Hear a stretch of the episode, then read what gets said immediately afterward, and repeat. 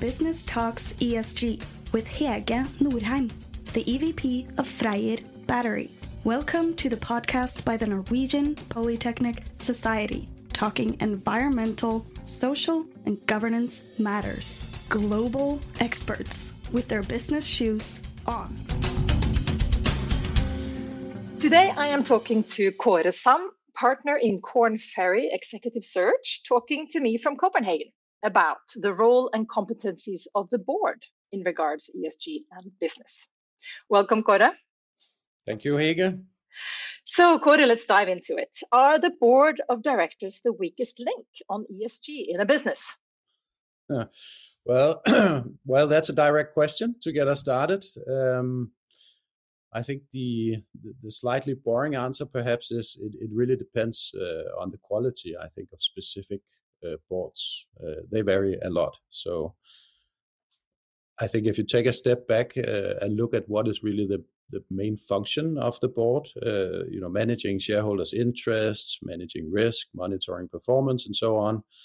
Um, it, it it almost follows logically that that first of all, ESG has to be a prominent agenda item uh, for any board, and and b that the approach a board takes to ESG uh, can can certainly have profound impact uh, on the company's performance, uh, both on ESG but also overall.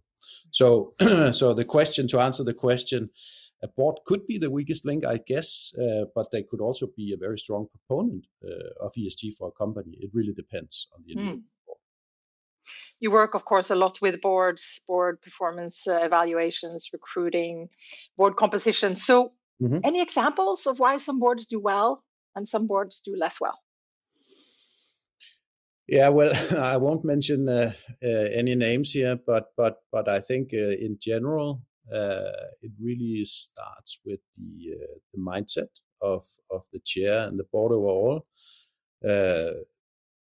frankly, if you think as as some still do, that that ESG is mostly about you know regulation, it's a lot of reporting requirements that are being forced upon us. It's something that represents just short-term costs. Uh, then you're certainly in for a wake-up call uh, as a board and as a business. Um, but but it is actually the case. I think that some boards still think about it this way: that this is an external force that they are being required to uh, to comply with. Uh, but on the flip side of that, uh, if you think of ESG as increasingly just an integral part of company strategy, uh, that you have a long-term value creation perspective on, then it's certainly a big opportunity to create positive impact for all your stakeholders. Um, and and again, you know, it sounds a little bit blunt, but if, if you're not really paying attention to this as a board, I'd say simply you're sleeping behind the wheel uh, because uh, you, you may be on a path to making yourself irrelevant. Uh, so just if you think about it, just think about the way that different stakeholders uh, are putting increasing pressure on companies. You know, you don't have to be on a board to see that. Um, there's regulation that's tightening in all industries uh, you have consumers changing buying behaviors. That's that's mm. also a way of, of sending signals, right? Uh, customer suppliers in general increasing their demands on green solutions, uh, and I think perhaps more visible to many boards right now, access to capital. Uh, that is increasingly dependent uh, on ESG targets, ESG performance, ESG strategy. So, you know, you can't achieve some of those things, including the access to capital, uh, if you don't have uh, have your your house in order, if if you're not sort of on top of your data, if you haven't done a materiality assessment, all those things, mm.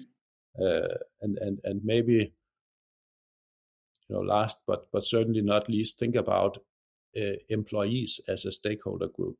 I think for for me that's a big trend. Um, employee expectations to their employer um, you know, are certainly increasing rapidly. And and in, in, in many ways, I think you you find that that communities are increasingly expecting companies more than governments to solve some of our big problems. It's a good point. Yeah. And and and how does this impact your work and and your work with the board uh, on set, putting together a competent, you know, competent board on these issues and you know, the composition and the competence in the board? Uh, well, it's it's it's part of all the discussions we have with boards. Really, uh, if I'm honest, you know, I think um, for board composition, uh, of course, um, ESG is becoming an important question. Uh, in general, a, a, good board should not be, you know, an, an echo chamber for for management uh, or for the chair. So so in general, on composition, good boards have diversity. Uh, in, in backgrounds, in gender, in experience. Uh, that's good governance in itself. Uh, it generally leads to better decision making assuming of course that that you also have not, not just the diversity but actually also have inclusion in the boardroom. I think that's an important point to make because you can have diversity uh, without necessarily having inclusion. Um, but then for ESG specifically, you always have uh, a debate, or we often have a debate. You know, is ESG a specialist competence that you should recruit onto the board? Um, and or is it something that the whole board should be sort of conversant in and and personally i'm certainly in favor of of of the latter because really a, a board needs some general esg literacy and when i get the question which i do uh, from from from chairs of different companies you know we need an esg expert on the board my my first question will always be why why because in some cases, uh, you know, you're seeing that that it, companies try to bring on, on board an ESG expert to solve a problem that really should be solved in the executive team. Mm. Right? You don't, as a board, you don't want a subject matter expert on your board who is there to second guess what the executive team is doing. Then you, mm. you, you need to solve it in the executive team. So, and I, I think we also see companies moving away a little bit from that trend and and saying increasingly we need people business people who have a broad understanding of strategy and business issue geopolitics etc who may come from industries that have similar esg agendas uh, to ours and so they will know how to ask the right questions uh, they will have insights on how others go about solving some of these issues um, but i think the trend is that that esg is finding its way into more generic parts of job description for boards. It's not like we have one person who is allocated to be our ESG expert. Yeah. The whole board really needs training. The whole board needs some literacy. And essentially, you can't really be an effective board director if, if you have no grip at all on ESG. Mm. That's very interesting.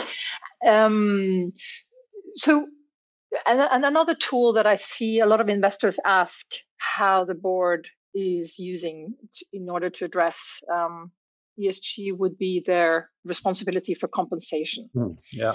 Um, and, and and you know for top executives and incentive programs that they put together and to what degree those are linked to ESG performance. How do you see do you see any trend on this? Oh yes, uh, good question. Um, yeah, it, well, it's definitely a trend, uh, and it is most definitely on the rise. Uh, it's it's a very hot topic, in fact. Um, you know, is it it is really something that has increasing attention from investors, uh, and and many of many investors are now openly uh, asking critical questions on the topic. You know, so we've we've just seen it at a number of annual general meetings for for large listed companies that mm the issue is being brought up. Um, and, and at Korn Ferry, we are actually increasingly working uh, with our clients, with boards, um, to help them think through the link between ESG, ESG performance, and compensation. Uh, and it's it's it really isn't a trivial issue because if you think historically, what companies have done is they set up some targets. They are very uh, have been very financially driven, quite easy to measure, both in the short and longer term. And then you tie compensation to that.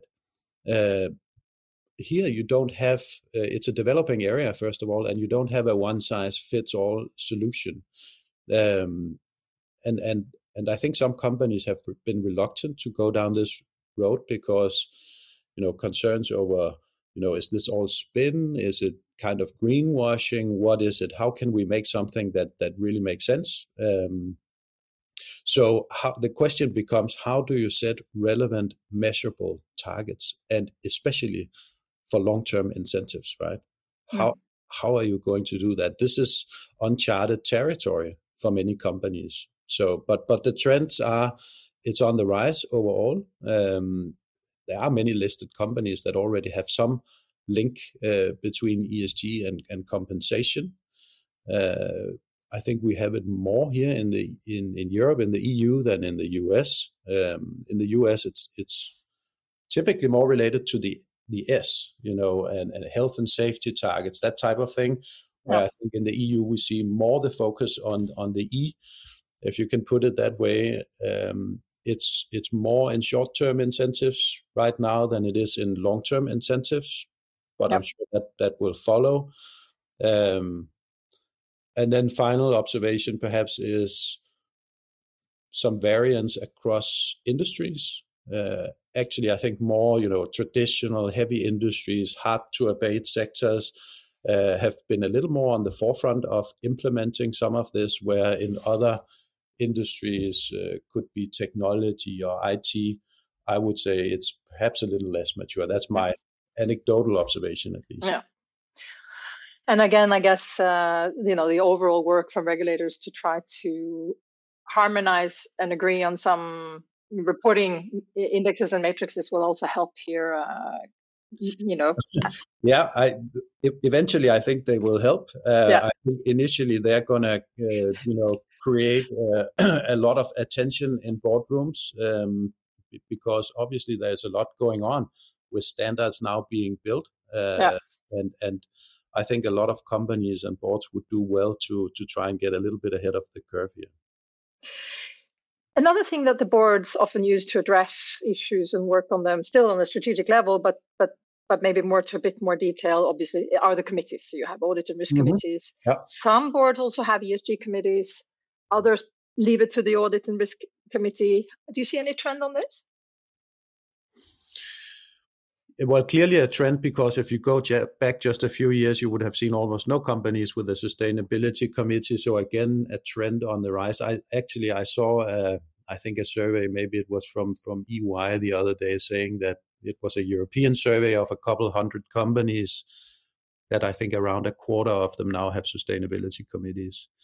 Uh, so clearly that is on the rise, uh, which I think is a, a good thing. Um, a number of boards I would say, are still not sort of systematically addressing ESG issues. Um, so more regular consideration, yes, of the issues, but but some of it still being, when you talk about committees, being dealt with in you know risk audit committees, uh, and that's good. You know, I'm not so hung up on what the name of the committee is. It's more about do you have a systemic approach uh, or systematic approach. Um, I think the big question, I guess, what you're really asking about is how how is this being dealt with in the board? Um, some still need to to bring ESG to a truly strategic level, um, and they need to be thinking more about building resilience in their business, forward-looking opportunities, not just risk and cost. Um, so it's not only risk mitigation, uh, but again, boards are at quite different stages of maturity, I would say. So, short answer to your question is yes, there's a trend here, and that is, of course, that more and more companies have and and and will have sustainability committees. Um, perhaps the more interesting question is how do they use them? Uh, how do they mm. use? Them? And then I would say on on you can call it a form of a committee. You also see some that use advisory boards. Uh, ESG is a it's such a broad topic. It's really it really is business, right? ESG is business.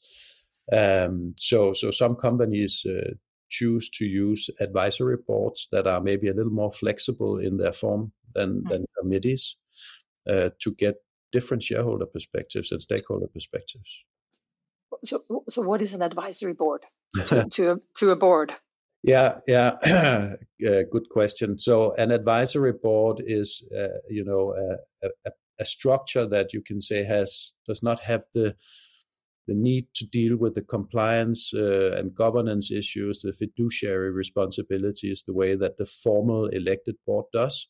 Mm. Uh, it's typically a little more uh, loosely uh, composed and and uh, a group of people that you can maybe make changes to more frequently than you do boards. But but it's people who don't have that formal board responsibility, but they are being brought in as a sounding board to the real board. Um, yeah. That's interesting. And would that typically be on a area like ESG, no, or yeah. would it be it, an it, overall? You, you see all forms really. I mean, sustainability or ESG is one uh, example. You have also seen companies that do it on the IT and technology side, uh, because again, that as an example, you, you can't bring in a full-time board director who is a, a cyber expert or you know a software expert. So you can bring in a group of people who, in total, in some total, can provide a perspective hmm. um, on on something. But there are actually also examples of advisory boards that are, are just general business boards. Yeah. Uh, but but they have more flexibility in the way they operate because they're not tied down in some of the compliance matters that that the real board is. That sounds very interesting. So when you look at the boards that that you work with and and um, how they think about ESG going forward, and as we just touched on, you know, so much is happening. Uh, are, what would you say are the biggest challenges that they would? How would they define the biggest sort of ESG challenges going forward? Hmm. So I think specifically, you know, again, there are sector variances in terms of what is the biggest challenge for us as a business, and is it in the E or the S or the G? Mm. But but but on the whole, I think the the real challenge here is how all encompassing ESG is, uh, and trying to keep up with the pace of change we see uh, in the world around us in some of the standards that will be coming, uh, you know, for, for, for boards and companies to comply with. And, and I think the reality is if you spend too much time sitting there trying to figure out the perfect solution to how you deal with this, you will realize that the train has already left the station. um, so, so, so I would say that the, the boldest companies and, and perhaps the bravest chairs uh, are those who really try to get ahead of the curve. And I, I, I know of several examples actually where companies are thinking through how can we also as a purposeful societal obligation drive the development of ESG. Mm.